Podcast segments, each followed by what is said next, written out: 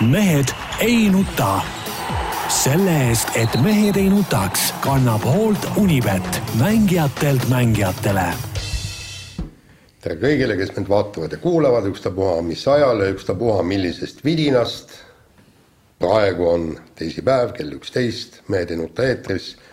Tarmo Paju Delfist. tervist. Peep Pahv Delfist, Eesti Päevalehest. tervist. Jaan Martinson Delfist, Eesti Päevalehest ja igalt poolt mujalt. noh, Tarmo. No. Poolas käidud ja, Poolas käidud. Ja, ja muljed olid ägedad, nagu ma sain aru.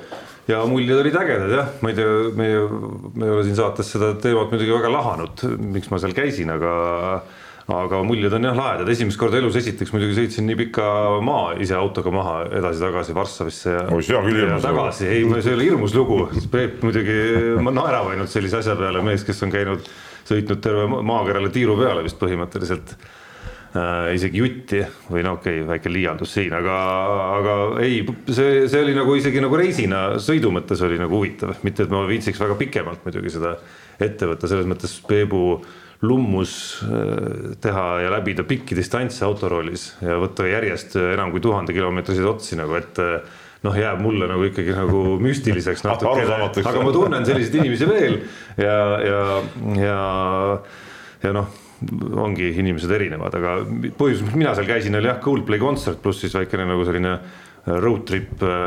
ja midagi ei ole öelda, oli, elamus oli vägev ja, ja Varssav oli äge ja Varssavi staadion oli äge ja, ja tee peal Kaunas ja Vilnius oli ka nagu äge.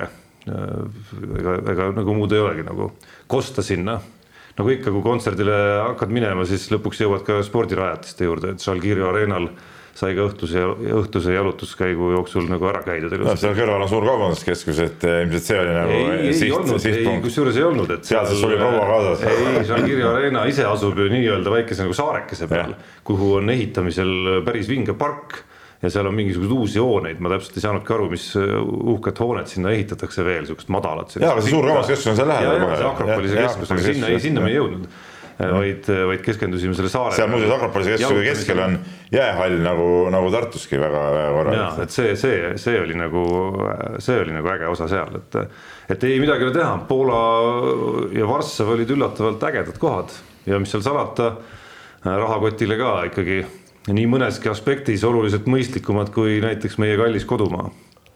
aga tunnetasid, aga tunnetasid siis ka, et kütusest alustades. tunnetasid siis ka, et vaata siin ikka tihtipeale mingid meie teatud aktivistid räägivad, kuidas Poolas on kõik nagu pahasti ja, ja valed seadused ja, ja nii edasi, et tunnetasid seal olles siis ka, et Poola inimesed on kuidagi nagu rusutud ja muserdatud, et neil on seal ütleme, mingid eh, väidetavad eh, nüüd- piirangud ja mis sa nüüd asjad. sellise konksu mulle siia viskad eh, lootuses, et ma kuidagi selle paari päeva jooksul, mis ma seal olin, oleks pidanud seda kuidagi tunnetama. Et ei, selle paari päeva jooksul ma ei tunnetanud midagi peale selle, et kontsert oli äge ja Varssav oli tõesti väga-väga ilus linn. jaa, aga vaata, tasub, tasub täitsa minna sinna uuesti ja. no Poolas on veel ilusaid paiku, ma võin ütelda, ennist siin enne saate algust rääkisime, teate koht, kus toimus eh, Poola ralli vanasti. Mikoljaki oli vist selle koha nimi või väga,, väga-väga ilus, väga ilusad järved, uhked siuksed eh, väiksed külakesed, linnakesed, et, et väga-väga ägedad kohad seal ka.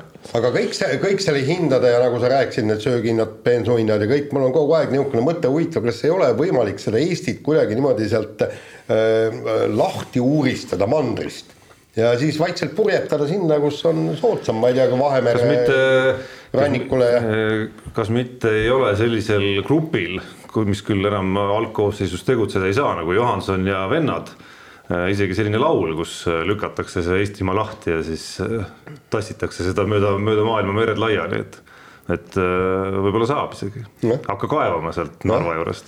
oleks, oleks hea ja soodne. mina käisin Narvas muuseas nädalavahetusel, et ma kontrollisin idapiiri, kas peab või ei pea. Saatsin ka meie peatoimetajale mõned, mõned fotosüüdistused sealt kas suunasid selle tankitoru Ei, vaatasin- teise, teise suunda, mis seal endiselt veel püsti on? neli tankisti ja koer forsseerisid parasjagu Narva jõge, kui ma seal vaatasin seda, olid just üle tulnud ja tank oli siis ütleme mingi kivi postamendi otsa sõitnud parajasti, et kõik nagu toimis seal. kaubavahetus Venemaaga käis täie hooga. Narva silla peal rekkad ühtepidi ja teistpidi seisid pikas järjekorras üleminekuks, nii et nii et eh, elu käis, et ei olnud seal midagi nagu ütleme, sihukest tavapäratut märgata. nii et sa ei läinud seda tankitoru keerama? ei no kuidas ma seda keeran siis noh? no võtad oma ei no kuidas kämblad sul on. ei no jaa, aga seal on ju see neli tankist ja koer tuleb kallale. koer hammustab mind. ja, ja kusjuures muide, Poolaga seos on ju neli tankist ja koer ongi ju Poola, Poola film. Poola film oled näinud seda ikka või? absoluutselt, kuulge, see on ikka juba minu lapsepõlve, lapsepõlve, lapsepõlve repertuaar. jah, ja oleks saanud seda toruse keerata, mäletad, seal oli ju see nii-öelda, eh, vist oli pardamehaanik või oli nii tugev, kes võttis eh, keeras võis eh, rauatüki niimoodi rahulikult kõveraks keerata. ja näppudega tõmbas puust ja, ju selle naela välja, jah, see oli. mille, mille, mille see, ütleme see, kes tanki, tanki rooli taga oli, ütleme tankiga lükkas puusse sisse, kui sa mäletad, eks. ei ja mäleta kusjuures nii hästi, aga no, see on ikka müstika, see on müstika, kui hästi detailideni teil need asjad meeles on. ei no kuule, seda sa ikka vaatad. kakskümmend korda vähemalt. see oli, see, see oli see kõva mees oli Kuslik oli. ja, ja Jan Huss oli vist, ei. kas see, kas see rooli taga ei olnud üldse mingi sihuke natuke sihuke kaukaaslase moodi mees? kaukaaslase poiss oli jah, jah ja ei, see oli kõva. Võimas, ei võimas ja, mälu. ja koer oli Saarik muideks. ja, aga no võim-, võimalik, et see mälu nagu toimibki niimoodi, et mingis vanuses väga ja, palju nähtud kus... asjad, minul näiteks on äh, see legendaarne kitsa kinga äh, nääri osa, mida ma omal ajal kuulasin helikasseti pealt, üks sõber äh, oli selle üles lindistanud. Seda ei, telekas seda nii palju ei korratud, mida sai kuulatud siis nagu söögi alla ja pähe, see on põhimõtteliselt nagu silbi pealt peas siiamaani. ei kusjuures see vastab tõele, sest näiteks ka vanad spordisündmused, et, et me jõuame pärast siin jalgpalli juurde ka, kui tuli välja, et Paide mängis Tbilisi Dünamoga, eks ole, siis, siis ma vaatasin koosseisu ja, ja teadmata ütleme, kes, kes tegelikult siin viimase kahekümne aasta jooksul selles meeskonnas mängis, väga hästi mäletasin kaheksakümnendate algusperiood Tbilisi Dünamot väravas Otar Kabelja ja rünnakul seal Ramas Šengelja ja, ja siis eh, poolkaitse virtuaas David Kipiani ja värav, eh, kaitsjad seal Dengis Sulakvelitse ja Aleksander Tsivatse ja kõik need vennad olid teada, küsisin, mis need ei mänginudki, et, et tuli välja, et on juba karjääri lõpetanud, eks ole. aga väga hästi on need mehed kõik meeles ja nende mängud tead noh. ja Kotem Maharadze. Jaan tuletas muidugi meelde, et loomulikult mängu kommenteeris Kotem Maharadze jah, täpselt noh et, et noh, et äh, oli, on, vot siuksed asjad on hästi meeles, aga see, mis oli kümme aastat tagasi, sellest ei mäleta mitte midagi. ja aga muide, meil, äh, ma, ma olen konkreetselt käinud, äh, ma ei mäleta, kellega Portugali satsiga mängis, mängis Tbilisi Dünamo mängis euromängu ja ma juhtusin siis Tbilisis olema ja läksime muidugi selle mängu vaatama saime piletid ka ja see oli äh, päris niisugune hirmutav, et kui me läksime, võtsime kohad sisse, siis ümberringi oli tõesti kümme tuhat sonimütsi nagu äh, korvpalliromaanis no,. mitte rohkem kui kümme tuhat. ei, no seal, aga meie ümber, eks, ja, ja esimene küsimus on, oli kohe Zakavo Baljet, et kelle poolt olete, siis me muidugi ütlesime, et oo, see Tbilisi Dinamo, tead, ja siis löödi patsu, aga muidu ma arvan, et me lihtsalt oleks Jaan ei saaks siin saadet teha sel juhul. jah, Kinsal oleks kohe tagumikku löödud, kui ma oleks öelnud, et, et me, me oleme nagu Portugali sulandunud kuidagi oma habemega või siis ei olnud veel või? Äh, siis ei, oli, oli, oli, oli terve elu habemega või? ei no vot, sa oled näinud Jaani noorkooli pilte, kus ta näeb, näeb välja nagu tüüpiline terrorist. nii kui habe hakkas kasvama, ei ole see, ei ole see nagu siledat lõuga enam nähtud või? ei, aga Tbilisi oli ikka vähemalt tol ajal oli ikka täiesti sür linn, et läksid öö, ostma tšiburekki on ju, et, et üks tšiburek, üks rubla, kaks tšiburekki, üks rubla kolm tšeburekki, üks rubla, neli tšeburekki, kaks rubla, et põhimõtteliselt nad kopikatega nagu ei tegelenud, et noh, õige, aga milleks? jah, ja siis oli, kujutad ette, bussis oli niimoodi, eks, et no pidid endale pileti välja keerama, eks.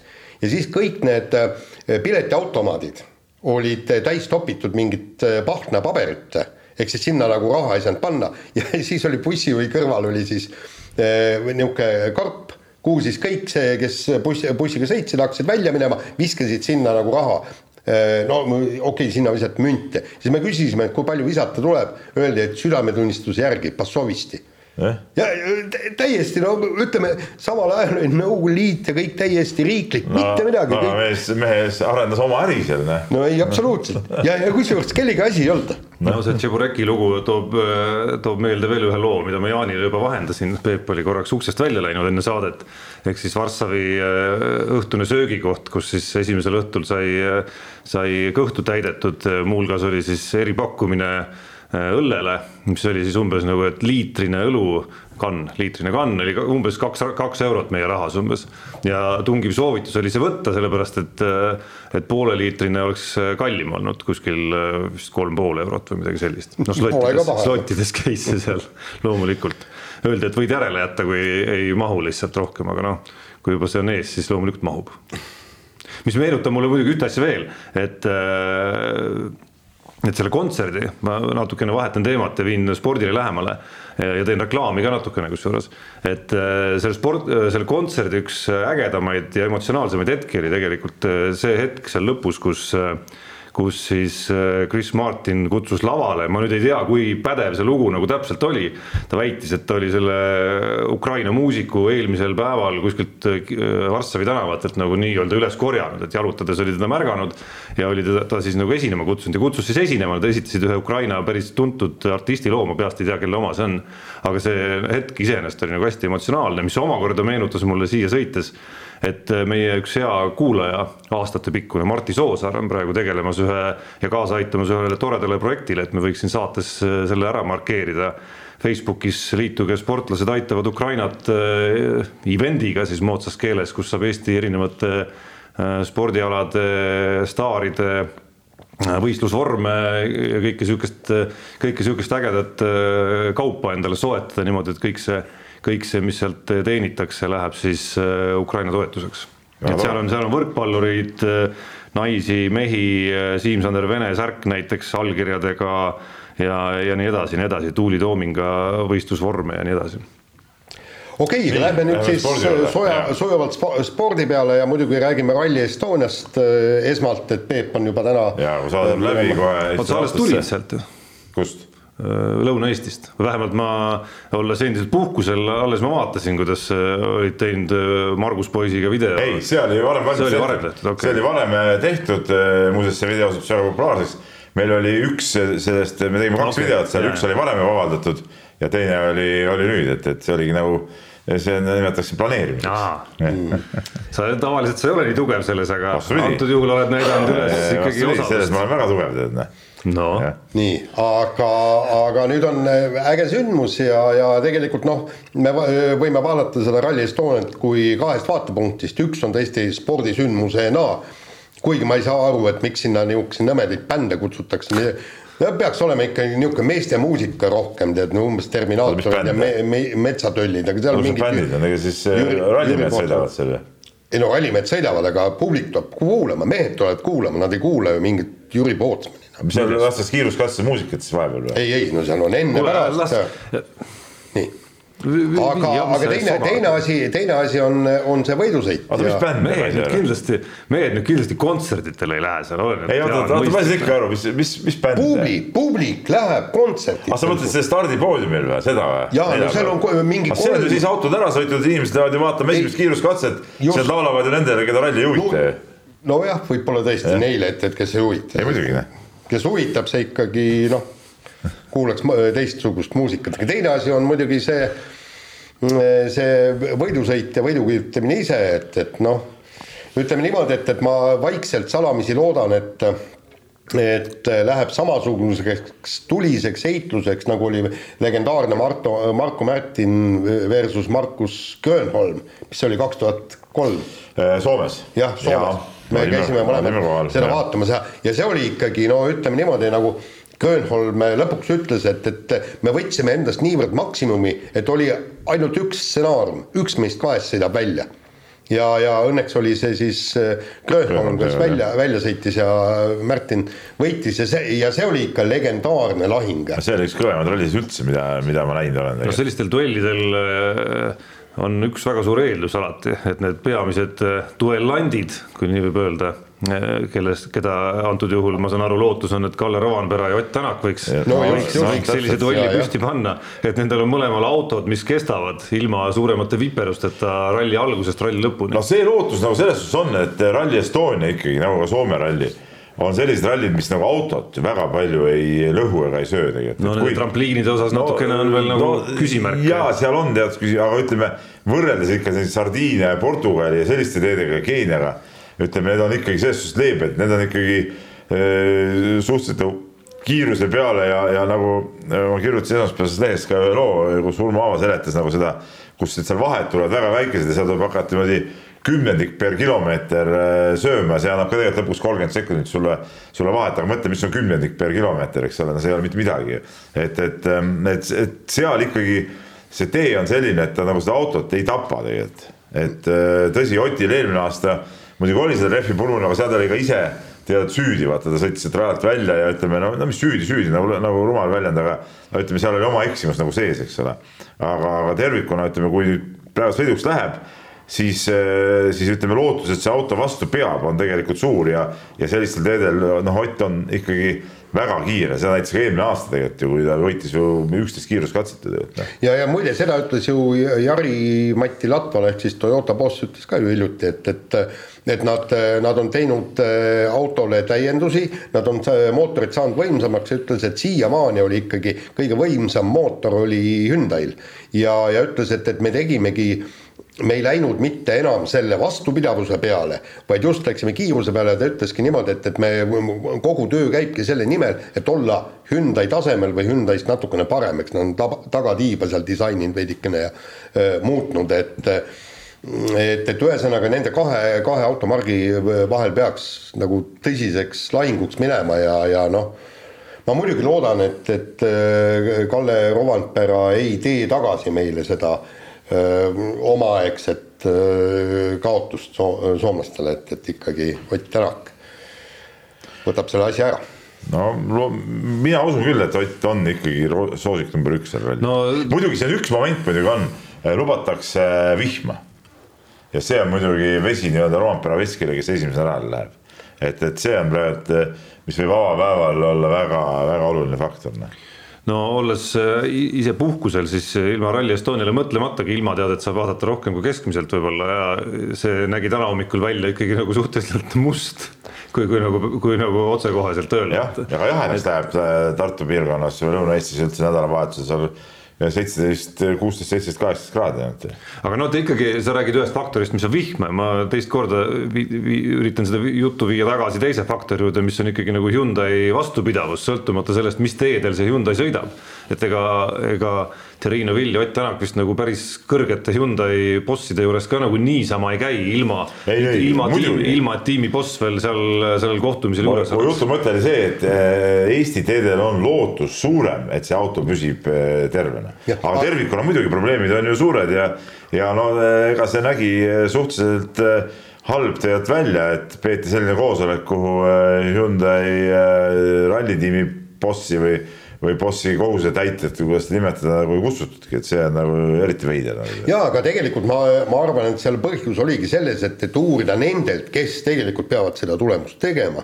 ehk siis Tänakult ja Neuvillilt, et milline on nende arvamus, millised on nende arvates probleemid ja teine asi, et, et see tegelikult oli see Hyundai nii-öelda teade, et nad leppisid kokku, et jätkavad veel vähemalt kaks aastat mis juba näitas ära, et, et oli vahepeal tõesti võimalus, et, et Hyundai paneb poole hooaja pealt pillid kokku, et, et jätkame vaatamata sellele, et meil autoga on probleeme jätkuvalt.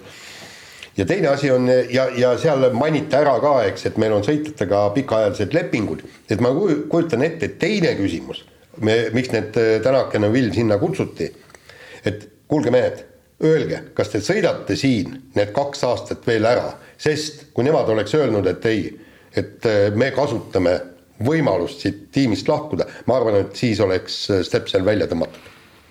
no, no täpselt nii, nagu äh, Citroen tõmbas Stepsli välja pärast seda, kui Ogier sealt ära läks. jaa, aga noh, teisest küljest, kui sa nüüd nagu sa ma ei tea, kas see põhineb ka millelgi, see Jaani selline nagu ei, see on, see on puhtalt ei, saad aru. sellele spekulatsioonile vastu ma küsin, et mis põhjus peaks olema Tänakul ja või Novillil täna öelda seda nagu lõplikult, ilma nägemata, kas, kas see probleemide virvarr, milles nad hetkel heitlevad tiimis, kui ilma nägemata, et need asjad saavad nagu lahendatud.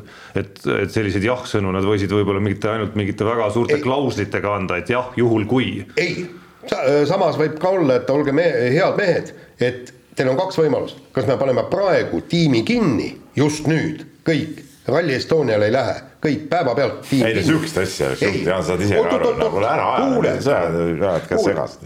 on, on. ei ole, no Jaan, no ei, ei olnud sellist võimalust. nii, või siis okei okay,, et veereme selle aasta lõpu, miks neil on mõtet praegu, tähendab, kui nad panevad järgmisest aastast kinni, miks nad siis neid veel miljoneid kulutavad selle hooaja lõpuni? nii, aga okei okay,, et kas me paneme järgmisest aastast kinni või mitte, nii kui te kirjutate siia äh, lepingu pikendustele või, või sellele allkirja alla, siis me ei pane kinni. noh no kõlab nagu ulme ikkagi ausalt öeldes. ei no ta võib olla, aga mäletad Citroeni ja Osieed, mäletad, see tuli juba sügisel no,. Nad ei pannud ju poole hooaja pealt kinni. ei, nad ei pannud, aga sügisel tuli jutt, et Osier kavatseb Citroenist lahkuda, mille järel Citroen paneb, panebki ja täpselt nii juhtuski ju. ei no sellega ma olen nõus jaa, aga, aga noh, et see niimoodi käis mingi allkirja väljapressimine. ei, ei mitte pressimine, see on kokkulepe. isegi Ott Tänaku no, kingadesse ennast pannes, ma arvan, et äh, tal ei oleks noh, mis motivatsioon oleks tal selle nimel, et saaks selle hooaja lõpuni sõita, kus MM-tiitli lootused sisuliselt on ikkagi nagu üsna läinud, hakata panema allkirju järgmisteks aastateks äh, kohas mis esiteks seab sind selliste faktide ette ja, ja teiseks kohas, kus on, tundub, et kogu tiimi juhtimine lappab ja, ja kogu masina arendus on teistest maas. ei, aga seal, seal ongi. ma, ma arvan, Jaan, see on ulme, mis ei, sa räägid praegu. aga millised, küsida sõitjalt, millised on sinu nõudmised, tahtmised, soovid, tingimused? Et see, teine, kolmas, neljas, sellepärast ei, mis mõtet on selles tiimis sõita, kui masin on kehv ja, ja tiimis lappab. jahi sa ütled siis, kui sa näed, et asjad hakkavad muutuma. ei no see, see on härrasmeeste kokkulepe võib-olla, sest äh, ütle, mis mõtted, mõtet on äh, Hyundai'l sõita, kui need mõlemad sõitjad näiteks läheksid ära no härrasmeeste kokkulepe oli ka see, et äh, on kaks korda või ühe korra lepingu sõlminud juba, et, et ei, see on juba härrasmeeste kokkulepe. see võib olla üks pluss kaks leping, noh no mis me äh, tühja targutame, eks ole, tead noh. nii, aga öelge parem seda, et okei okay,, Ott Tänak, Kalle Rovanpera äh,, kuskil on veel terve plejaad Eesti rallisõitjaid ja meenutame, et eelmisel aastal äh, noh, et see, see on alati olnud see osa, mis Rally Estonial on ka väga huvitav olnud, et äh, mida jälgida. no kindlasti seda, et kas, mis see Egon Kaur suudab teha WRC kahes noh, Georg Linnamäe ka, aga ütleme, ma arvan, Kauril ikkagi on suuremad lootused seal kõrgesse mängu tulla noh, mina ootaks temalt ikkagi sekkumist esikolmiku võitlusesse, no ütleme, see, see on ka ainus variant, millega ta endale mingit äh, tulevikku võiks veel, veel äh, aidata nagu, mis võiks aidata, aidata kaasa tema mingitele tulevikule rallimaailmas.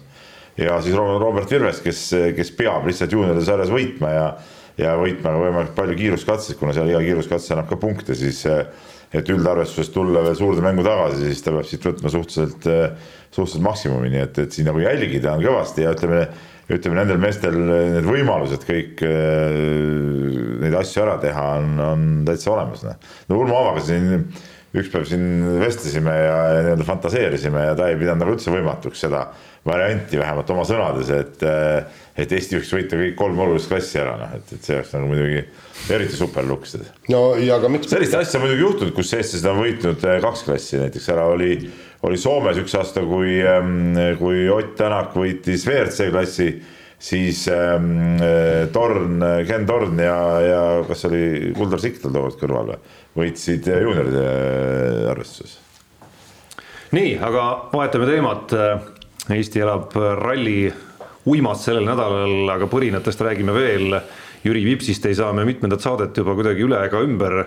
ehk siis, kui eelmises saates sai räägitud, kuidas kuidas Vips on Red Bulli poolt ikkagi nagu üle parda põhimõtteliselt äh, heidetud ja nii-öelda nagu Hiteki armust või, või kuidas seda nimetada, jätkab ikkagi oma eesmärkide püüdmist, siis, siis vahepealne nädal on toonud infot nii palju juurde, et, et ei ole see Red Bulliga suhe ka ikkagi nagu nii katki midagi. no tegelikult. mis tehke nüüd selgeks, puust ja punaseks, mis. mitte midagi. keeruline. keeruline, ma eile just lugesin või, või, või või millal ma selle loo kirjutasin, pühapäeval, lugesin seda Foorumit ja, ja kujutad ette, seal Foorumis need vormelifännid arutavad, et mida tähendas see Red Bulli äh, sõnum, et ta on nagu meeskonnast jah, välja heidetud, aga me jätkame tema toetamist, et et, et, et noh, ütle nüüd sina, eks, mida see tähendab, eks ju. no sellest ongi raske aru saada, aga, aga selge on see, et, et noh, see minu silmis tähendab ikkagi seda, et, et noh, tema, ta, tema, tema jaoks nagu lõplikult ust No kinni, kinni ei ei, ole ei, ole nagu jah, jah. et see on nagu asja point ja, ja kõik need äh, kisakõrid, kes siin olid, et äh, puhake jalga, eks ole, et, et äh, et ei ole nii, et ühe väikse eksimuse pärast peab inimese nagu nulli tõmbama. jah, aga noh, nagu ma seal loos tegin väikse kokkuvõtte just selle kvalifikatsiooni, et, et noh, et äh, Jüri Vips on tõesti ülekaalukalt äh, kvalifikatsioonides kõige parem mees olnud vo- GP2-s, teised ei ole isegi ligilähedale sinna jõudnud. Ja, ja, ja siis äh, mul tuli meelde üks, otsisin välja see äh, intervjuu, kus siis Helmut, Helmut Marko rääkis, et ainus, mida ta tahabki noorelt sõitjalt näha esialgu, on kiirus. Ja siis ta selgitas, et, et just, et, et kvalifikatsioonis eh, saab ta näidata, kuidas seda kiiret ringi kokku panna. Ja, ja järgmine tema punkt oli see, et kui sa ei ole kvalifikatsioonis kiire, siis sul ei ole seal vormel üks võidusõidus mitte midagi teha aga, no, sa, samas aga tahaks- sa kasutasid äh, Jaan lau- selles lauses ka sõnu, ainus, mida ta tahab esialgu noorelt sõitjalt näha, rõhk sõnal, sõnadel esialgu noorelt Esialgu sõitjalt, just. et Jüri Vips ei ole Just. enam esialgu noor sõitja. ei, ta on selles mõttes- esialgu ongi noor no sõitja. selles mõttes ta on nagu olnud seal ikkagi mõnda aega, et ta ei ole Ja. nagu täna läinud sinna sellesse sarja ja hakanud seal no nagu see päris nii ka ei ole, et täna lähed ja kohe hakkad kvalifikatsioonis paugutama, et, et see ikkagi eeldab natuke, näiteks kes seal oli praegult kolmekümne ühe aastane oli üks vend, kes ju esikolmikusse tuli ja okei okay,, ta sai trahvisekunditega kukkus välja. et see ei ole mingi poisikeste sari. jah, aga noh, ma kahtlustan teadmata tausta, et see kolmekümne ühe aastane ei oma siiski mingit varianti vormel ühte. ta saigi ei, ta, ta on isegi sõitnud vist ja, ja nüüd tal tuli ka kellegi asemele ju, selle esimese sõidu tegi kohe Kõmm oli seal äh, oli äh, tipus, aga mida mina tahaks näha omakorda on see, et, et Vips ikkagi sõitudes ka teeks nagu sõitu, mitte nii nagu see viimane võistlus seal ei no jaa, aga seal, seal oligi jälle tiim ju käkerdas tal selle refi vahetuse ära ja, ja mitte midagi teha ei no ole. Jaa, aga pärast oleks võinud ju äh, ikka kiiremini sõita, ta ei saanud ju seal ees sõitvale mehele järgi mitte karavõrdki ju noh. Jaa, aga ei saanud, aga seal oligi see rehvide, rehvide hoidmine ja säästmine ja ja oota, ei no seal, seal on, kui No sa see- sõidad enda pa- pastad täiesti nulli, siis ei ole sul kuhugi jõuda, vaata. saad aru, see, see vormel kaks autod, need on ju, tähendab, need tiimid on sedavõrd erinevad, seal on seadistust on sedavõrd keeruline sinna, seal on autoti väga raske paika panna ja kõik, eks, et vormel ühes on need asjad palju selgemad, vormel ühes ei käkerdata ära ühe hooaja, poole hooaja jooksul kolme rehvi vahetust on ju. et, et, et seal ongi, seal on need seadistused rohkem paigas, eks. et seal, seal on nagu see küsimus. et selles mõttes on see, see kummaline küll, eks. et Jüri Vips on pikalt kõige kiirem vend kvalifikatsioonis, aga juhivad need vennad, kes jäävad temast ikkagi noh, täiesti korralikult maha, noh ajasõidus. nii, aga lähme edasi kergejõustiku teemadega ja Kalev Tilgaga siin see teema on palju kõhus olnud. jäeti siis äh, MM-ilt teadupärast välja ja, ja Kalev Tilga leiab, et Eesti Kergejõustikuliit ei käitunud teda MM-ilt välja jättes õiglaselt. ja, ja tekib küsimus, miks ta siis otse EM-ile saab, no tähendab, need küsimused on siia, mina ei ole kirjutanud, on siin vist Jaan kirjutanud, ma no., mina seda lugu üldse sihukeses valguses päris ei näe, nagu, nagu me Jaaniga siin vaielnud päris palju selle teema üle, et, et et see, et miks ta EM-ile saab, minu arust on väga hea otsus, et, et kui ta kui ta MM-ile ei saanud, siis ütleme kompromissettepanekuna ta EM-ile saata, kui ta on terve palun väga, minu arust see on. oota, kas okay. siis nüüd lähevad Maicel Uibo ja Karel Tilgal on EM-il koht jah, ja üks, üks koht saab veel, üks no, no aga sealt, sealt tulebki, et, et kui, kui Mis seal on tuleb? näiteks MM-il tehakse, tehakse kõvemaid Nii, tulemusi kui neil, no ma ei tea, no- teeb. no, no see saabki siis ju. ei no kui Janek Õiglane ja Johannes Erm mõlemad teevad supertulemuse, siis üks neist peab välja jääma, see on see koht, mis tekitab seda, et, et siis ei ole nende suhtes õiglane jällegi. ei, mis just, miks ei ole nende suhtes õiglane, no meil ongi rohkem kui, kui üks neid äh, tipptasemel kümnevõistlejaid ja, ja, ja nii ongi noh. keegi ei keelanud äh, õiglasel või ERM-il näiteks Eesti meistrivõistluse võitja tagasi on EM-i koht noh, Äh, nojah, nojah sellega oli koht tagatud ju. jah, nagu Karel Tilga ka ikkagi Eesti meistrivõistlustel ei taganud. ei taganud, aga, aga tal oli siis see, see nii-öelda kurikuulus eelmise aasta norm, aga see, et ta nüüd lõpuks MM-ile ei lähe, mina ütlen nii, et, et need otsused kõik olid õiged, küsimus on ainult selles nii-öelda kommunikatsioonis, mis, mis sealt läbi viidi, mis oli minu arust vale, sest et vähemalt mina olen saanud küll niimoodi aru sellest, et küpimeestel endal oli enda omavahel sõlmitud kokkulepe, et peab tegema mingeid alasid, noh kui ei teinud, no siis ei ole need tingimused täidetud ja, ja ongi kõik. ei no, ei no jaa, aga seal, seal ongi küsimus, et millised alasid ja mis ei, seal oli, ei, seal oli fikseeritud, mina saan aru, et, et praegu ta tegi ainult ju ketas, aga seal olid ju hüpped ja jooksud pidid ka olema tehtud, noh. Aga ta neid ei teinud no., ta ei saanud teha, sest ta oli vigastatud ju, noh jah, aga, aga tõesti, aga see kommu-, kommunikatsioon ja, ja, ja kommunikatsioon see, oli väga vilets, sellega ma oma klubi treener äh, ei on..., ei vaata see jälle äh, et selle otsuse andis teada oma klubi treener. tema on ju ka juhatuse liige, ta on samamoodi alaliit ju, et selles ei ole nagu vahet, kas see helistab sinna Kristel Berenson või, või ütleb see oma treener, see, et oma treener ütleb, ongi, ongi võib-olla parem variant, aga seda oleks pidanud nagu minu arust nagu enne seda koosolekut oleks võinud nagu Tilgaga need variandid nagu läbi rääkida, selles on küsimus, mitte see, et, et pärast otsuse. no tagantjärele tundub siiski, et ka Estikate ajal Karel Tilga vist päris hästi ei adunud seda versiooni ei, ja varianti, et ta see, nagu eemale võib jääda. ei, seda ma tahtsingi just öelda. no oli kokkulepe, kuidas seda teades, seda teades mul on tunne, et ta oleks ikkagi noh, nui neljaks ajanud ennast võib-olla välja. ei, ta ei oleks saanud ajada, sest ta oli tagareis, kuidas sa ajad välja sinna no ei tea, miks see, kus, kuidas see, miks see, miks see, no siis on veider, miks see talle nagu nii-öelda üllatusena praegu. ma tahtsingi öelda, et see tema treener helistas. ei, tal ei olegi treenerit. või, või no see nii-öelda kes ei, teda. tal ei ole treenerit. no klubi juht, mis no, ta klubi juht, jah, ja, no. ja helistas tund aega enne koosoleku algust ja teatas, et sul on võimalus, et sa jääd e, ilmselt MM-ilt välja ja, ja see oli siis nagu Karel Tilga, et, et see oli tema jaoks üllatus. tema ei näinud seda varianti nojaa, aga e, kas ta siis minu arust, aga mina loos tuli välja, et ta oli sellest kokkuleppest teadlik, meil reporter helistas, ta rääkis temaga, sealt tuli välja, et ta ju kinnitas, et niisugune kokkulepe oli. jaa, aga tema, tema rääkis ka nendest punktidest, tema on ju normi täitnud. ja ta ütles, et ei oleks ka probleeme absoluutselt olnud, kui oleks, äh, kui oleks siin Eesti, Estikatel Maicel Uibo täitnud normi ja siis läinud, aga ta ei täitnud normi, tal ei ole noh no siis oligi nii, et, et kumbki nagu äh, kriteeriumit ei täitnud, ei täitnud äh, Tilga ega ei täitnud Uibo. Ja siis alaliit otsustas ja ma saan aru, tippspordi komisjon seal kuus-null häältega, noh et, et kas nüüd eh, meie siin kolmekesi eh, oleme nüüd siis nagu targemad kui, või ütleme, sina, Jaan, oled targem, mis mina nagu nõustun selle tippspordikomisjoni otsusega. oleks seitse-null hääletud, kui ma oleks seal istunud. aga sa oled nagu siis. ei, mul on tunne, et me keegi ei vaidle selle vastu, et hetke vormi vaadates tundub õigem saata sinna Maicel Uibo. lihtsalt küsimus on jah, et kuidas sihuke segadus sai tekkida üldse selles on, selles on see nagu probleem, et, et, et, et halb, et, et halb, et, et see jada käis niimoodi, et selle lõpptulemusena on meil ikkagi üks sportlane, kes tunneb, et talle on kuidagimoodi nagu liiga tehtud või ei ole nagu korrektselt koheldud vähemalt.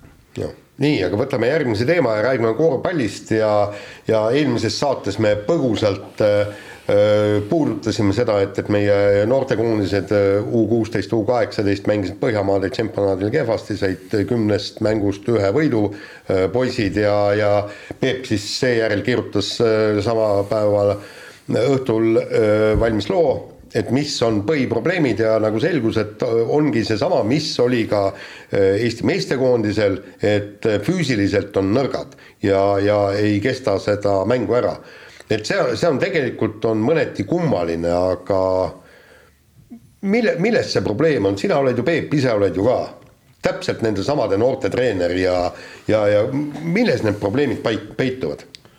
probleemid peituvad esiteks sellest, et klubidel ei ole, noorteklubidel ei ole üldfüüsilise ettevalmistuse treenerid, neil ei ole selleks jõudu, ressurssi ja nii edasi, et, et sellest hakkab pihta, seal tehakse palju ise omaenese tarkusest, omast peast ja, ja siis seda ei tehta päris õigesti.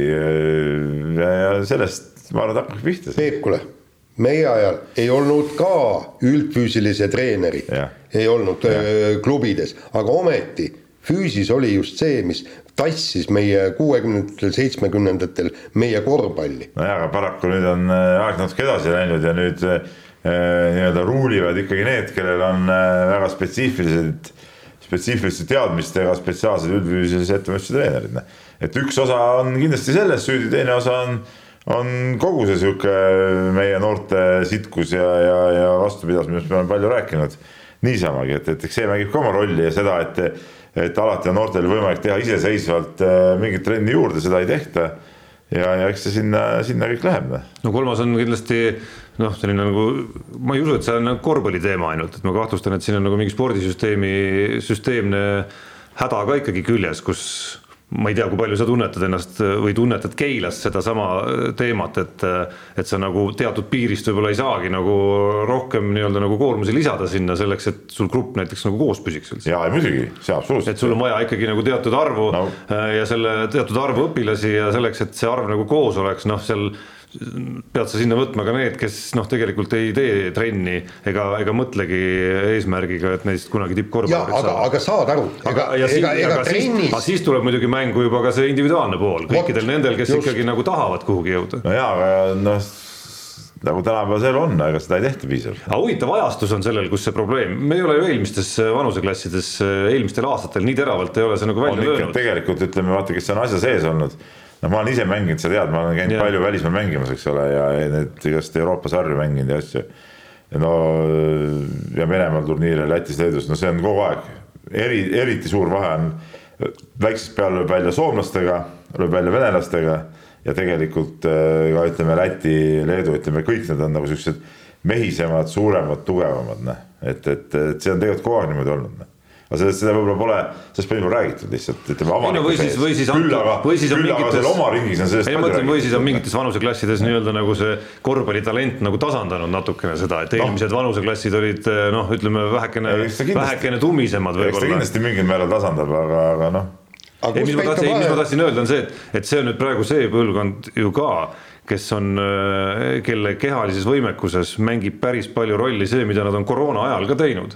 et ma ei kujuta ette, kui palju see nüüd on nagu mõjutanud Kindlasti seda, aga seal, seal see individuaalne, see, mida keegi on individuaalselt teinud, määrab ju nagu eriti Sest palju veel. sel ajal keegi ei näinud ju tegelikult, mida tegelikult tehti. et kas ja, istuti ja... kodus arvuti taga äh, tehti koolitunde arvuti taga ja siis mängiti arvuti taga terve aeg või, või kasutati ikkagi nagu sihipäraselt? sest et treenerid tegid plaane kogu aeg sel ajal, eks ole, kõik pidid individuaalselt täitma ja ja no pole, pole õrna aimugi. ma vahest nalja pärast ütlesin poistele, no saatke video, kui te trennis olete või jooksete, siis mõned saatsid, eks ole, aga aga noh, kokkuvõttes noh, see noh, see ei pea niimoodi käima. et aga milles on siis lahendus, kas me jäämegi, tähendab, tähendab nüüd ongi, et, et me meie, meie mängijate füüsis jääbki nii kehvaks ka järgmisteks aastateks ja kümnenditeks ja meil ei ole tegelikult nihukese füüsise pealt, vabandage väga, ei ole mitte mingisugust lootust jõuda, jõuda ikka. järeldusi no, ta, ta, oota, ma ütlen sulle, Jaan pole mitte ühtegi neist korvpallurist näinud ja ta ütleb, et nihukese füüsise pealt, sa ei teagi, mis füüsist ei no kuule, kui, kui me saame see... füüsise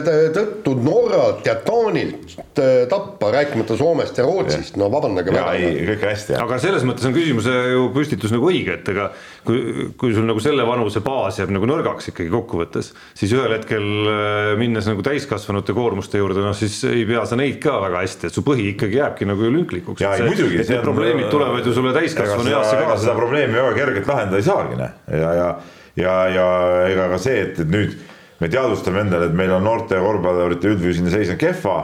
et kuidas me seda parandame, no ega siis eh, klubidele ei tule ju üleöö kuskilt eh, lisaraha, et, et palgata üldfüüsilisi treenereid sinna ja, ja tõsta ütleme ka võimalusi, et tõsta siis nende mingi eh, Füska treeningute arvu nagu noh, et, et ega see noh, see kõik peab tulema millegi arvelt ju noh, mille arvelt või, või, või kust need vahendid võetakse, no ega mina seda, mina ei, ei näe seda no, võimalust. sa, sa, saad, saad aru selle pooleteisttunnise trenniga, mida te päevas teete või siis kahe trenniga poolteist tundi, sellega ei, ei vii nagu nii-öelda noort maailma tasemel füüsiliselt tippu.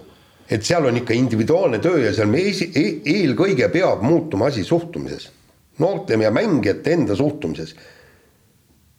individuaalne töö küll, aga ütleme, mida ja kus ja kuidas individuaalset tööd saad teha, ega see on küsimus, noh. okei okay,, sama joosta, jah, seda võib, aga küsimus ei ole ainult ju jooksmises, küsimus on ikkagi mingid spetsiifilisemates asjades juba, noh ei no kindlasti on küsimus ka mingites harjutustes, mida sa trenni sees, ees, alguses, lõpus, mis iganes kohtades seal, mis intensiivsusega sa, sa nagu teha saad ja, ja, ja, ja võid, eks ole. kindlasti, kindlasti no siin on ka jälle siuksed detailid tulevad mängu, et noh, noh, trenn peab olema, eriti noortel, trenn peab olema intensiivne, eks ole, siukest seismist ja siukseid asju peab pähe olema. nii, okei okay,, see sobib nendele, kes tahavad tippkorvpalli jõuda, kes tahavad tõsiselt pingutada, nagu sa enne mainisid, sul on grupis ka seal mingid tüübid, kes käivad lihtsalt, noh, ma käin kossu tegemas, onju. tema ei taha niimoodi pingutada, aga kui tema ei taha niimoodi pingutada, aga seal sunnitakse, siis ta lõpuks tuleb käega, läheb minema, nii. ja siis lõpuks see grupp ei ole enam nagu täisgrupp, noh, et seal tekivad igast no siin neid segavaid detaile või faktoreid on, on nagu päris palju tegelikult. ei no jaa, aga kui me võtame paralleeli äh, jalgpalliklubidest, vaata, meil on isegi kolleeg mm., kelle lapsed mängivad jalgpalli, äh, jalgpalliklubides ja kõik niimoodi, kuidas seal tehakse no,. on, sa... on, on teatud mängijatele, kelles nähakse potentsiaali, kes ise tahavad, neile palgatakse siis nii-öelda klubi poolt lisatreener ja, ja, ja neil on lisatreeningud. ma räägin seda, aga seda ei ole kuskilt seda raha võtta, et seda palgata, jalgpalliklubidel võib-olla on no korvpalliklubidel ei no ei samas, samas kostub seda füüsilise probleemiga jalgpallis samamoodi, et ja, ei, ei ole jalg, jalgpall nagu ka mingi, mingi erand siin kuidagi Eesti maastikul isegi, isegi selles küsimuses. et, et ma ei tea, noh kõlab nagu ikkagi nagu kriisiolukord mõnes mõttes, mida korvpalliliit peab hakkama kuskilt otsast nagu lahendama, et, et samad Peebud, äh, Varrakud, äh, noh, kõik, kõik, kes kuskilt otsast on klubide või, või noorte treenimisega ja arendamisega seotud, noh, need tuleb kokku saada ja vastasel juhul meil ühel hetkel on ju auk. Ja, ja, ja see, siin kasvõi siis korvpalliliidul on siis tähendab nii-öelda üldfüüsilise juht, kes nagu koostaks kavasid, käis, käiks klubides, vaataks mängijaid, tutvuks probleemiga, annaks, annaks ette nagu no mingisugused võimalused, harjutusprogrammid, kõik nii, võib-olla siis noh see oleks ju kõik, kõik võimalik, sellepärast ma, ma miskipärast arvan, et, et, et nendele nii-öelda klubi parimatele mängijatele ma, jõusaal võimaldataks neile nii, et, et ta ei pea oma taskust seda raha välja käima. Aga selle saateosa lõpetuseks üks väikene kiidunurk ka, Eneli Jefimova. äh, võitis juunioride Euroopa meistrivõistlustel ujumises siis kolm kuldmedalit, isegi natukene no kas üle ootuste, aga, aga kindlasti mitte vähem, kui ta lootis, pigem rohkem. ja, ja hetkel tundub, et joon liigub liigub nagu väga ilusa kõveraga. no ütleme niimoodi, kaks kulda oli võtta lihtsalt laual, et, et tähendab, tal ei olnud, tähendab tema ainult, ainult ise võis selle ära kaotada ja kui treeneriga rääkisime, siis oligi niimoodi, et et ta stardis hoidis ennast natuke tagasi, et jumala eest vale starti teeks, et see oli ka ainukene võimalus, miks ta viiekümnes, sajas meetris oleks selle, selle kulla võinud ära kaotada, kuigi, kuigi siin temast aasta vanem itaallanna teda, teda EM-il ei olnud, et, et aga sellega oleks läinud Madi madinaks, et pole kindel, et ta äh, noh, ta oleks sajas nagu eelmine aasta oleks sajas ka selle kulla võitnud. aga see kakssada meetrit, mis, mis ei ole päris tema distants, et see oli ikka väga võimas esitus sellega, et, et need viimased. lõpu, lõpu tõmbas ära. see ikka, see, see oli ikka ja võitis ühe sajandikuga, et, et äh, aga no tegelikult nagu räägitakse, et, et juunioride medalid huvitavad ainult treenerit, õpilast ja tema vanemaid sellepärast et nendega ei ole tõesti tulevikus mitte midagi pihta hakata. et, et, et saab siin nüüd äh, näha, kuidas nii äh, vägevat kallist kivi me lihvida edasi suudame, aga tundub, et siiamaani on kõik äh, hästi ja okei okay läinud. väike paus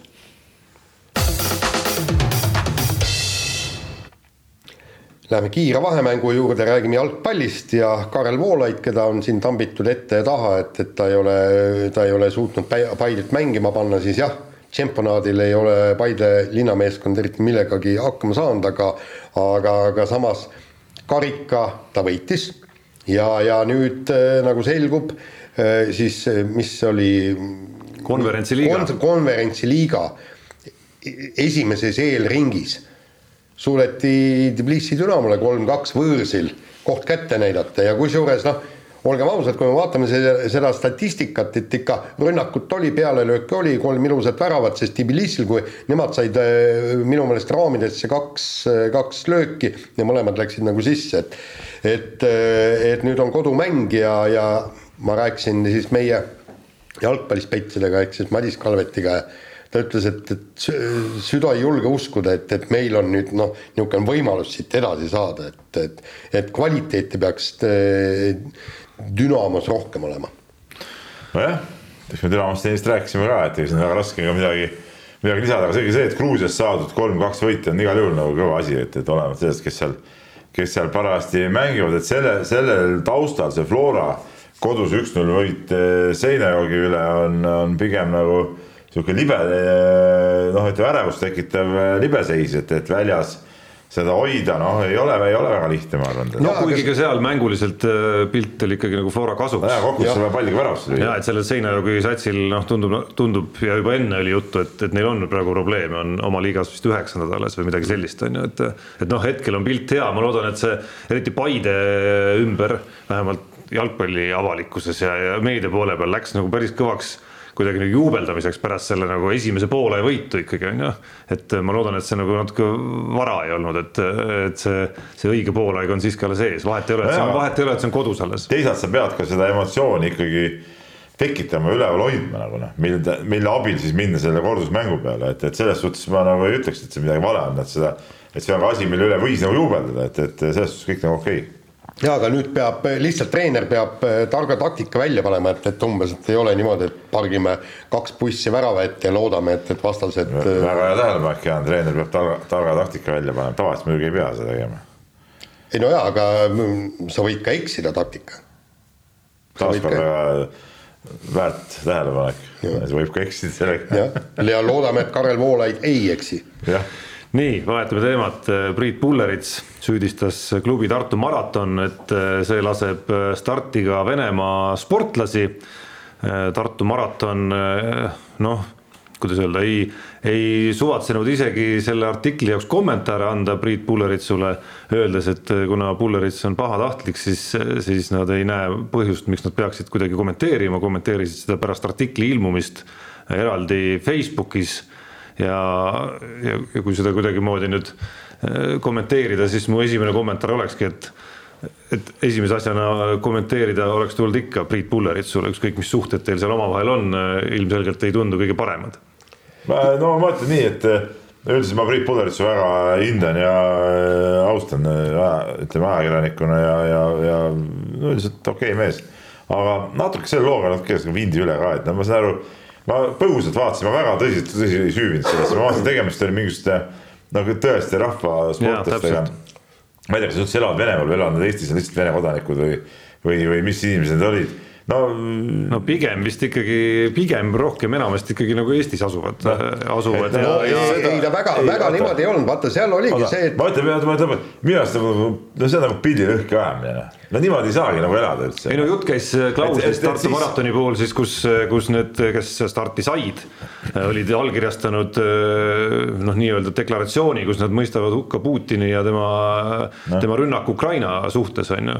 ja noh, mulle tundub ka, et võiks nagu selle koha peal nüüd nagu rahu teha, et et, et ka Eesti ettevõtetes on tööl, ka meil, kusjuures on ju tööl inimesi, kes Venemaal pandaks vangi näiteks on ju Äh, juhul, kui nad sinna oma jala tõstaksid ja on tagaotsitavaks kuulutatud Venemaal näiteks. ma tahaks teada, kas meil on tööl ka Vene kodanikke äkki või? ja, ja muidugi. et noh, selles suhtes, et et mis kes on, kes on, kes on kuulutatud, noh, ma ei tea, kas, mis see staatus täpselt on, aga aga selle eest, mis ta on kirjutanud juba on, on ikkagi kutsutud umbes ülekuulamisele, loomulikult ta ei saa sinna minna. jaa, ma ütlen, et, et selle, kes on Vene kodanik, kes ei ole, ütleme no selle, sellega ei saa nagu üle võlli minna, no ütleme selle teooriaga, nagu me rääkisime, käisime ka ju, äh, sa käisid Narvas, eks ole, noh, et kui nüüd, kui nüüd nii nagu äh, printsipiaalselt seda kõike võtta, no siis ei tohiks ükski kaubaauto käia, ei tohiks see liinibuss, mis sinna sõitis, Lux Express sinna tagasi no ütleme, mitte mingit varianti ei tohiks olla, seal üldse nagu Venemaaga mingit sidet nagu ja. ei tohiks olla. ei, aga va-. miks siis, miks siis kaubaauto võib seal käia ja mingeid asju teha ja see, see mingi õnnetu rahvasportlane, kes saab äh, Tartu maratonil mingisuguse seitsmesaja kaheksakümne kuuenda koha, ei või seda sõita, mis, mis, mis kokku, mis vahet siis? jaa, aga, aga, aga seal tõmmati just paralleeli selles, et no, et kas me hakkame vaatama, no seesama rallimees Gräzin, noh, ütleme niimoodi, Ott Tänaku võrreldes ta on ka rahvasportlane. ei, ta ei, ta ei ole, sa Jaan, sa saad ise ka aru, et Gräzin ei ole Ott Tänaku võrreldes rahvasportlane. aga seal ongi niimoodi, et, et me, me ühest, ühest küljest takistame nende siia tulekut, on ju, eks, Gräzini puhul ja muide, maraton on ka ju äh, täpselt Tallinna maraton, seal öeldi ka, et ei, nemad äh, Vene, Vene sportlasi äh, starti ei lase. ei no kui seal ütleme näiteks äh, ütleme suvaline Ivan, noh olen mina näiteks, Ivan, nii, ma elan äh, siin, ma olen Vene kodanik, ütleme noh, siin töötan siin Delfi sporditoimetuses. nii ja tahan minna Tallinna maratoni kümmet kilti jooksma, ma olen elanud, ütleme Eestis umbes mingi kakskümmend aastat näiteks, noh. Nii, ma siis ei tohi joosta või? noh, põhimõtteliselt kirjade järgi no aga, aga saad ise ka aru, et see on ju totter. ei, ta on totter, okei okay,, siis teeme siis niimoodi, et, et Eestis elavad Vene kodanikud saavad, aga, aga kui tuleb Venemaalt sportlane aga kui ma olen, küll aga saab joosta näiteks äh, Miša Narvast, kes äh, vaatab iga päev äh, seda RTR äh, Mir kanalit ja Perve kanali ja. ja annab intervjuu, kus ütleb, et kui sõjaks läheb, siis täpselt, tema on küll. jah, no kui ta on Eesti kodanik, siis jah. aga sa saad ise aru, et ei, see, see, see, see ei ole nagu ju no see ei ole niisugune mustvalge teema. ei, ta ei ole mustvalge teema. aga ma ütlen ikkagi ka Tartu maratonile, et no, hoolimata teemast oma kommentaari sellesama, mis te kirjutasite Facebooki, oleks võinud saata ka Priit Pulver.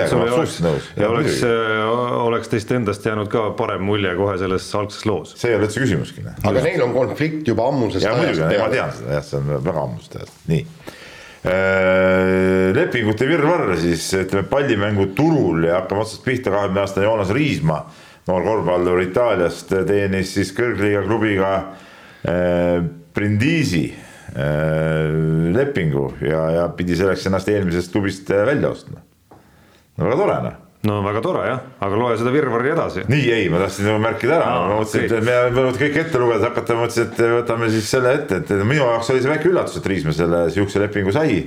aga, aga eks see mängib rolli ka tema ilmselt see Itaalia nii-öelda korvpalli kodakondsus, mis, mis sellele kaasa aitab. kindlasti ja need, need, need mäng-, no me näeme seda, kuidas need noh, need on kõva valuuta tegelikult seal Hispaanias samamoodi noortel ja, ja Mikk Jurkatamm on sellest kasu lõiganud ja, ja noh, kui sa ikka nagu Itaalia oma poisina sisuliselt või Hispaania oma poisina saad mängida, siis, siis see avab sulle uksi, et päris oluline argument kindlasti, kui siin rääkida, rääkida sellest, kas minna välismaale mingis äh, varajases vanuses või mitte, on ju, et et äh, Kristjan Kullamäel seda ei olnud, on ju, ja, ja tal on kuidagi palju raskem olnud sealsamas Hispaaniaski võrreldes Sander Raiestega oma kohta seal päikese all. nojah, Kullamäe üldse alustas seal kätte võidelda.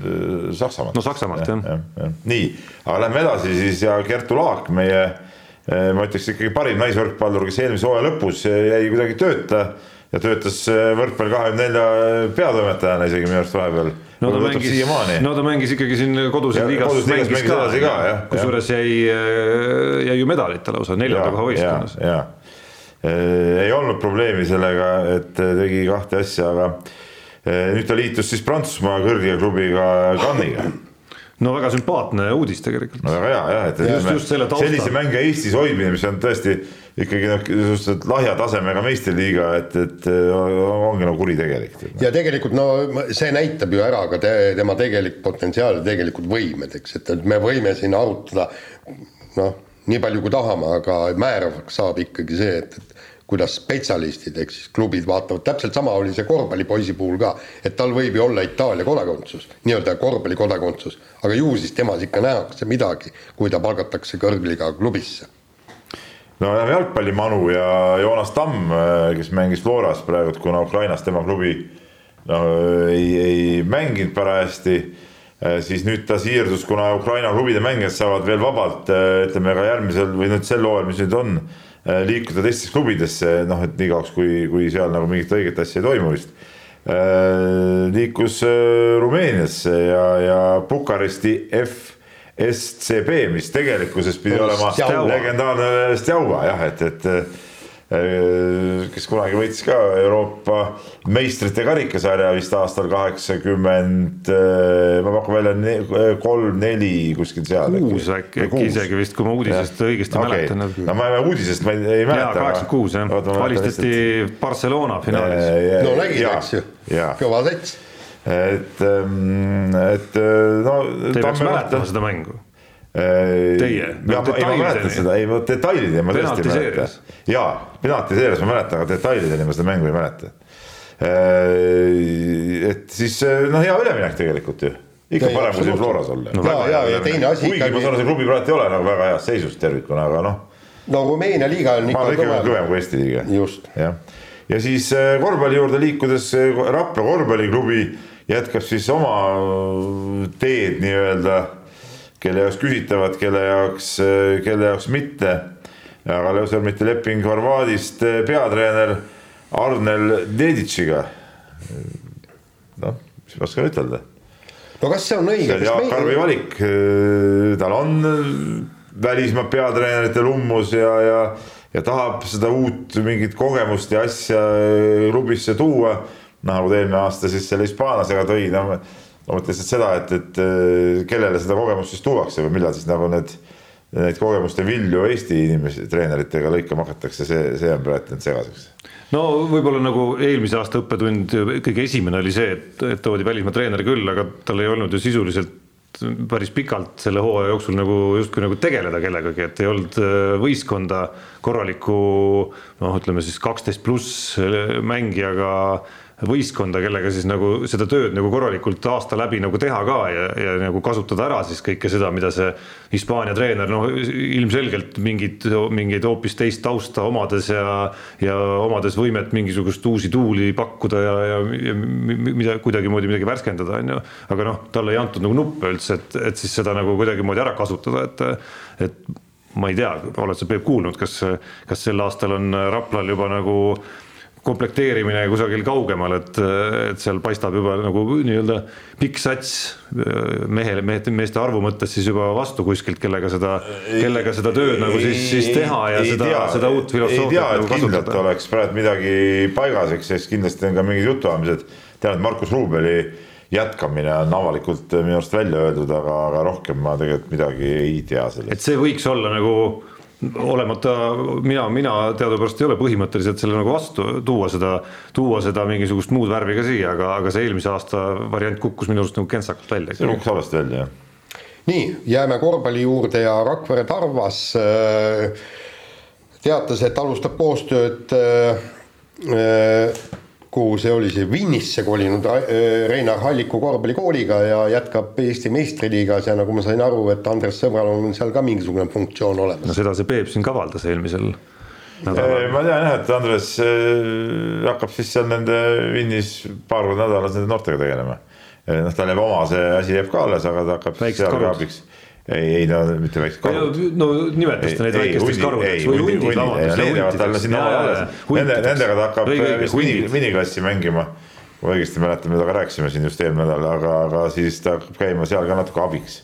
et, et, et mingi roll on seal olemas, noh praegult äh, Tarva pealik ka Arno Lipassaar ütles, et noh, nad näevad seda Reinariga koostöös nagu seda võib-olla sihukest päästemehhanismi, mis aitaks võib-olla seda Tarvast ka seda elus hoida ja ütleme seda sihukest suuremat püramiidi ja sünergiat seal tekitada, no loodame, et see nii läheb.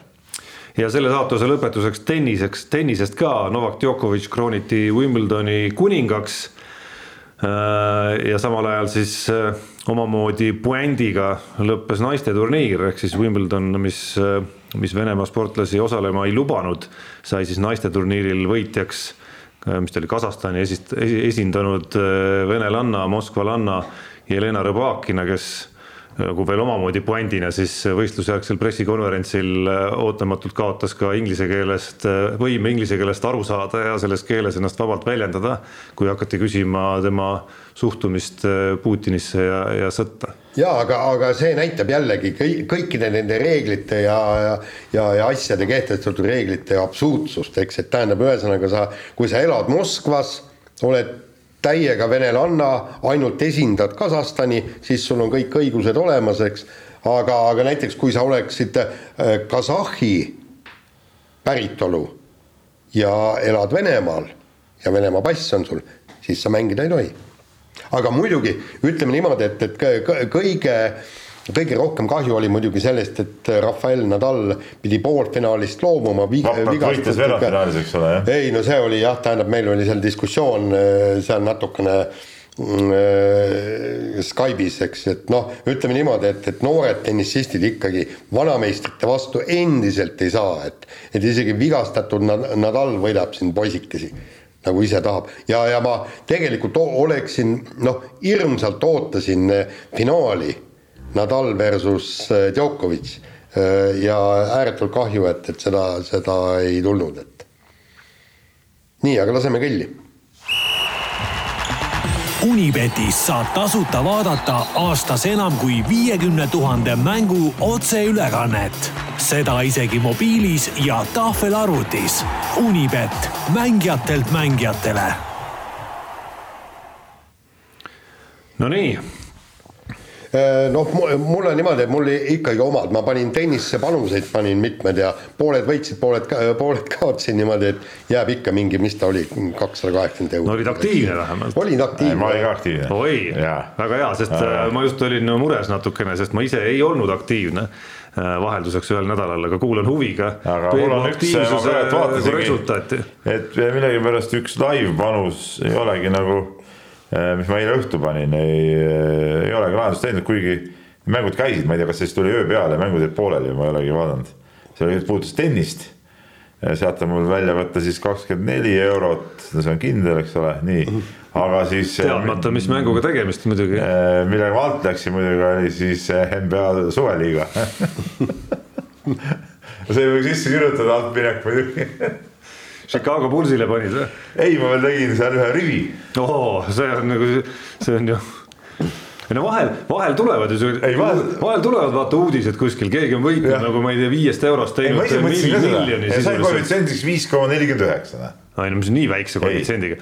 ei oota, ei ei ma ikka vaatasin, et, et no sihuke soosikud, ma ei olnud soosikud. ma huvi pärast küsin lihtsalt. Ei, ma ei tea sa, kas sa vaatasid nagu lihtsalt, et mis klubi nimi Jaa. nagu tundus nagu ei, ägedam? ei, ei ma NBA klubist ikka tean, seal on NBA klubid. ei no mõtle nagu Warriors, see on mulle meeldinud. ma vaatasin, ei, ma ütlen ausalt, ega, ega seal, sa tead suveliigast midagi, oskaks panna või? ei, ei oskaks aga sellepärast ma ei lähegi panema. aga ma mõtlesin seda, no kuule keegi on koefitsient teinud, ma panin kõik soosikud, neli soosikut panin ei saa, mõne mängu panid pihta või? Ei ma, ma ei, siit ei näe seda vist. klikid selle peale siis. minu aastatepikkune visuaalne vaatlus oota, näed, üks, Visuaal, ma segan korra. Kaks piistas, kaks möödas, ja visuaalne vaatlus on näidanud, et, et NBA oma selle kaheksakümne kahe mängulise hiiglasliku põhiturniiriga ei ole üldse koht, kus väga tasuks nagu soosikute peale kogu aeg panustada. Tarmo, ma päästsin eile lihtsalt olukorda, et oleks täna millestki rääkida.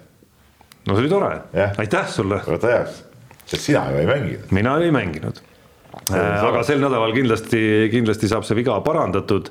eripanused on äh, töös ja ootel ja need puudutavad lo- loomulikult Rally Estoniat. tavakoefitsientidena on siis, kui käia korra need üle Unibetis, on Kalle Rovanpera, kusjuures ralli soosik number üks koefitsiendiga kaks koma seitsekümmend viis ja Ott Tänak on siis teisel kohal kolm koma seitsekümmend viis. ja sealt edasi on juba väikene vahe, et Riino Vill kuus, Elfin Evans kuus pool, Greg Green seitse koma viis. Et see Ott Tänaku võidukoefitsient saab mehed ei nuta eripanusena siis olema veidikene kopsakam, esikolmiku koefitsient kusjuures on üks koma viis, see on küsimus siis ainult sellest, kas Hyundai tuleb probleemideta lõpuni ilmselt. no ei tea kunagi midagi. noh, jah, ma arvan, et tuleb. Aga kirjad? Nii kirjad. Ja Andrus kirjutab meile, kirjutab nii, et tere mehed, vaatasin pühapäeval U seitseteist korvpalli MM-i finaali. Ja mis te arvate, kas USA U seitseteist koondis paneks Eesti koondisele ära? mulle tundub, et USA noored paneksid korralikult ära, ma ütlen, et Ei paneks. ei kindlasti mitte. Andrus, tule nüüd mõistusele, tegemist on ikkagi äh, lastega alles ja lapsed meeste vastu ikkagi nii lihtsalt ja üldjuhul ei saa. mis sa arvad, Jaan?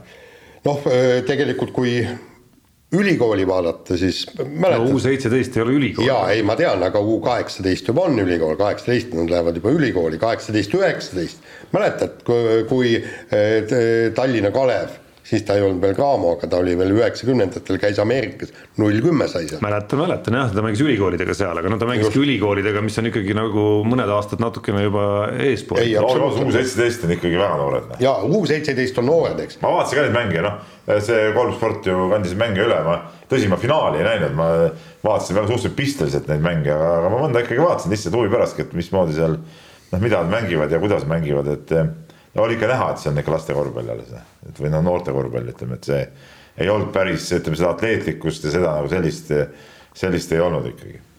nii, aga, aga Aadu kirjutab meile sellise jutu, et ähm, et tere mehed, et eh, FIA boss eh, ütles ühes artiklis, et kolm-neli autotootja, kolmest-neljast autotootjast piisaks eh, WRC sarjas ja rohkem ei olekski vaja. et see oleks juba väga põnev sari, et mis on teie mõtted? Mina olen FIA bossiga nõus, esiteks tundub, et hetkel ei ole üldse nii heal tasemel sõitjaid, et rohkem tootjaid saaks sarja tulla, teiseks eh, võita saab ju ainult üks kui näiteks oleks kuus tootjat, siis ma olen suhteliselt kindel, et õiget konkurentsi suudaks neist pakkuda ikkagi ainult kaks ja kolm.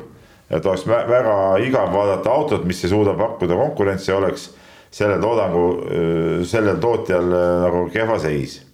võtame näiteks vormel ühe, seal on ju ka läbi aastate olnud ruulinud ainult teatud meeskonnad, teised on lihtsalt kohatäiteks.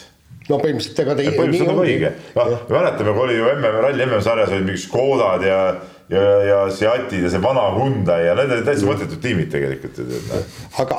olid ju. ma saan aru jah. kuigi see. ikka, ikka mingid jõujooned hakkavad välja tulema. Škodas oli ju kardemeister, ta ju pääses ikka kord ja kordi poodiumile, no mis. no jaa, aga mingit võidulootust ju seal ei, ei olnud. aga, aga teine küsimus ongi see, et, et ega tegelikult neid sõitjaid ei ole ka, ma kunagi ammu tegin selle, mis oli see legendaarne, kui Marko Märtin oli Mm, oli ka, kas ta hakkas sõitma või, või kui oli, et põhimõtteliselt kas oli kaheksa maailmameistrit oli, oli stardis. no tulevast ja siis endist maailmameistrit ja kui sa vaatad, et kõik need äh, McRae'd ja Burnsid ja Sainzid no,. see oli huvitav aeg jah. jah, ja siis oli ka sõidumehi oli palju, aga nüüd ei ole.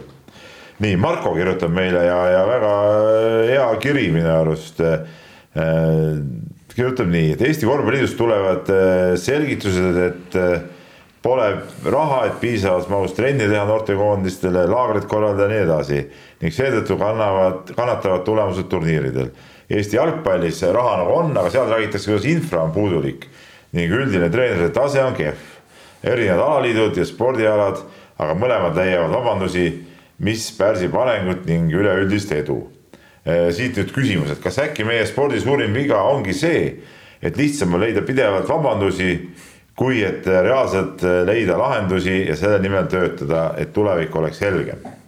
no ei, mõne, no mõnes mõttes väga-väga õige, õige tähelepanek, et, et eks neid igast vabandusi ja ja, ja, ja õigustusi tuuakse väga-väga lihtsalt välja. jah, aga see oli vist ütlen siis, valetan, kaheksakümmend kaks, kaheksakümmend kolm äkki kuskil nii, nii, kui Üllar Kerde kutsus mind Pärnusse appi Eesti noortekoondise treeninglaagrisse, korvpallikoondise treeninglaagrisse, eks.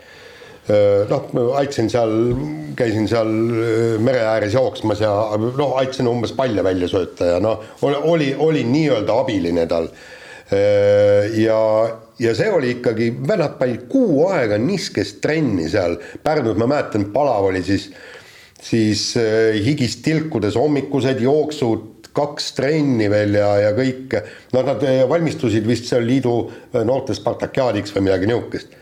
et ikka nii meeletu töö käis, et sealt peab nagu midagi tulema, loe selle Dixi raamatust, elu, eluloo raamatust, kuidas Raplas oli eh, treeninglaager, kestis ka mingi kuu-poolteist.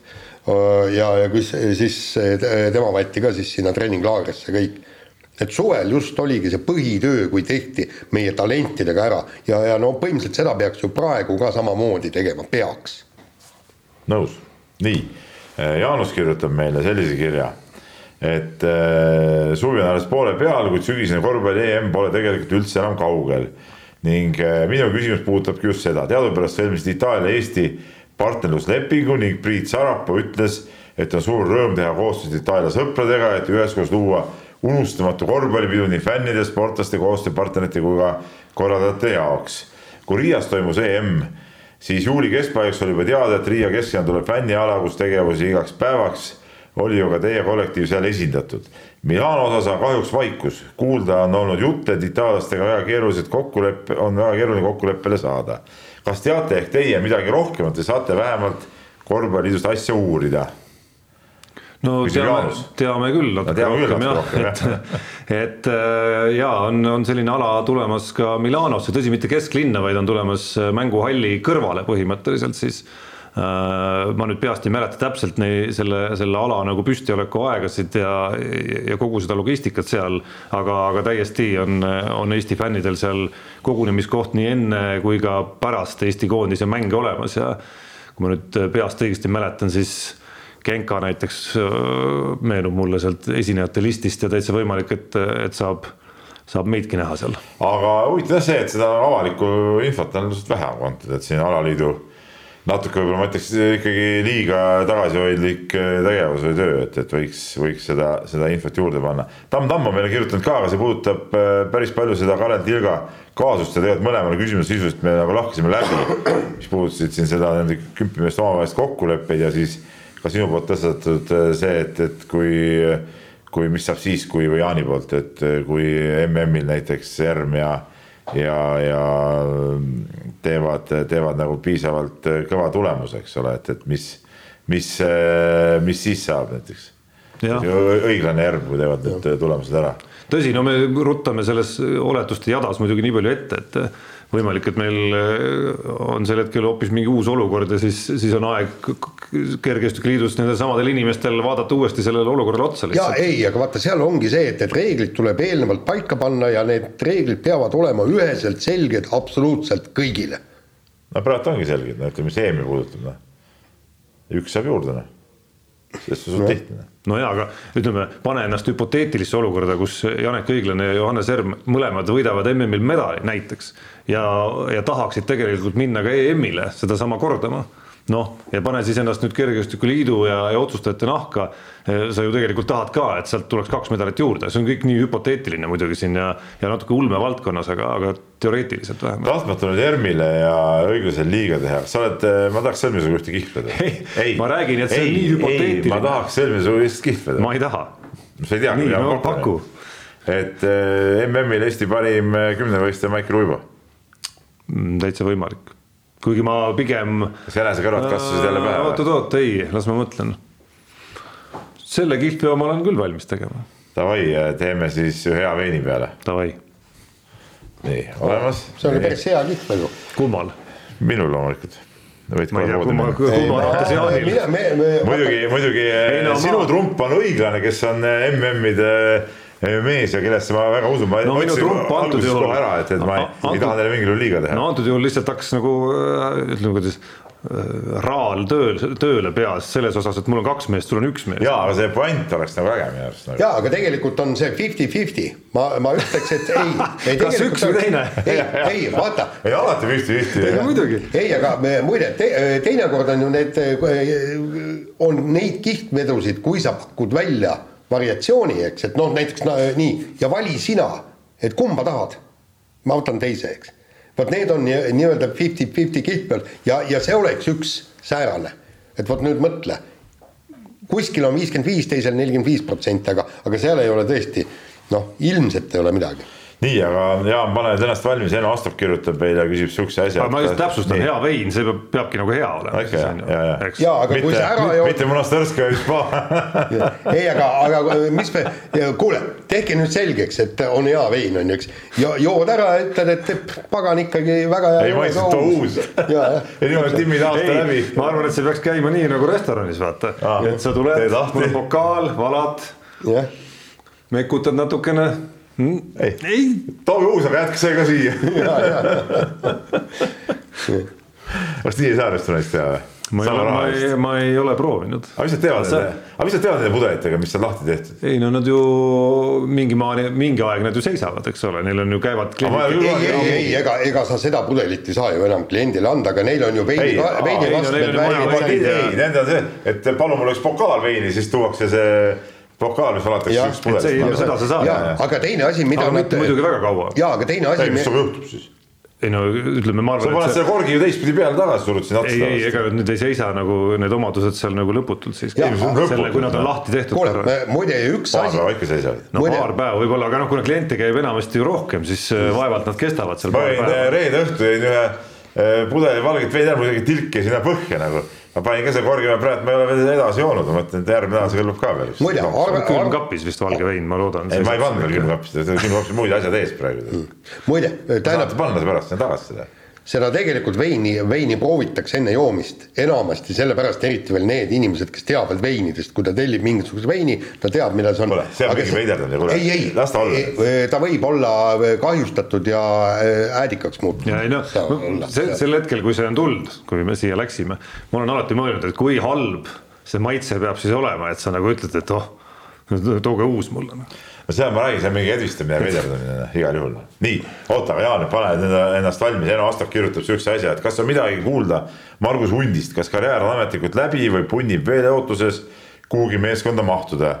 klassikalist vastust ei tea, pole uurinud, ei oska öelda, edasi puhul on Peebul kohustus Jaani juulikuu palka viiekümne protsendi võrra vähendada. jah, no ütleme niimoodi, et, et iga päev hoian uudiste silma peal ja. no mis sa küsid enda käest? ei tea ei tea, oota, nii oota, kas ei tea oli siin, nii et äh, aita mul Tarmo Lea ka kuu lõpus meeles pidada, et kui ma seda käskkirja teen seal, et siis.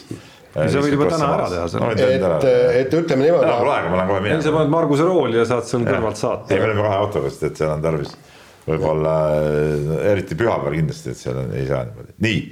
aga äh, kiri on tulnud ka Magnus Kirdi kohta ja tegelikult ütleme, Margus Kirdi, Magnus Kirdi seis on nagu üldse nagu kummaline, et ta Eesti meistrivõistlustel osales ja nüüd ongi küsimus, et kuhu on kadunud siis äh, Magnus Kirt, eks ole, et ta ei ole kuskil rohkem võistelnud ja mitte midagi pole tast kuulda olnud.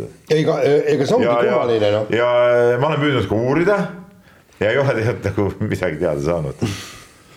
et noh, nii on et, et ega ei oskagi ütelda.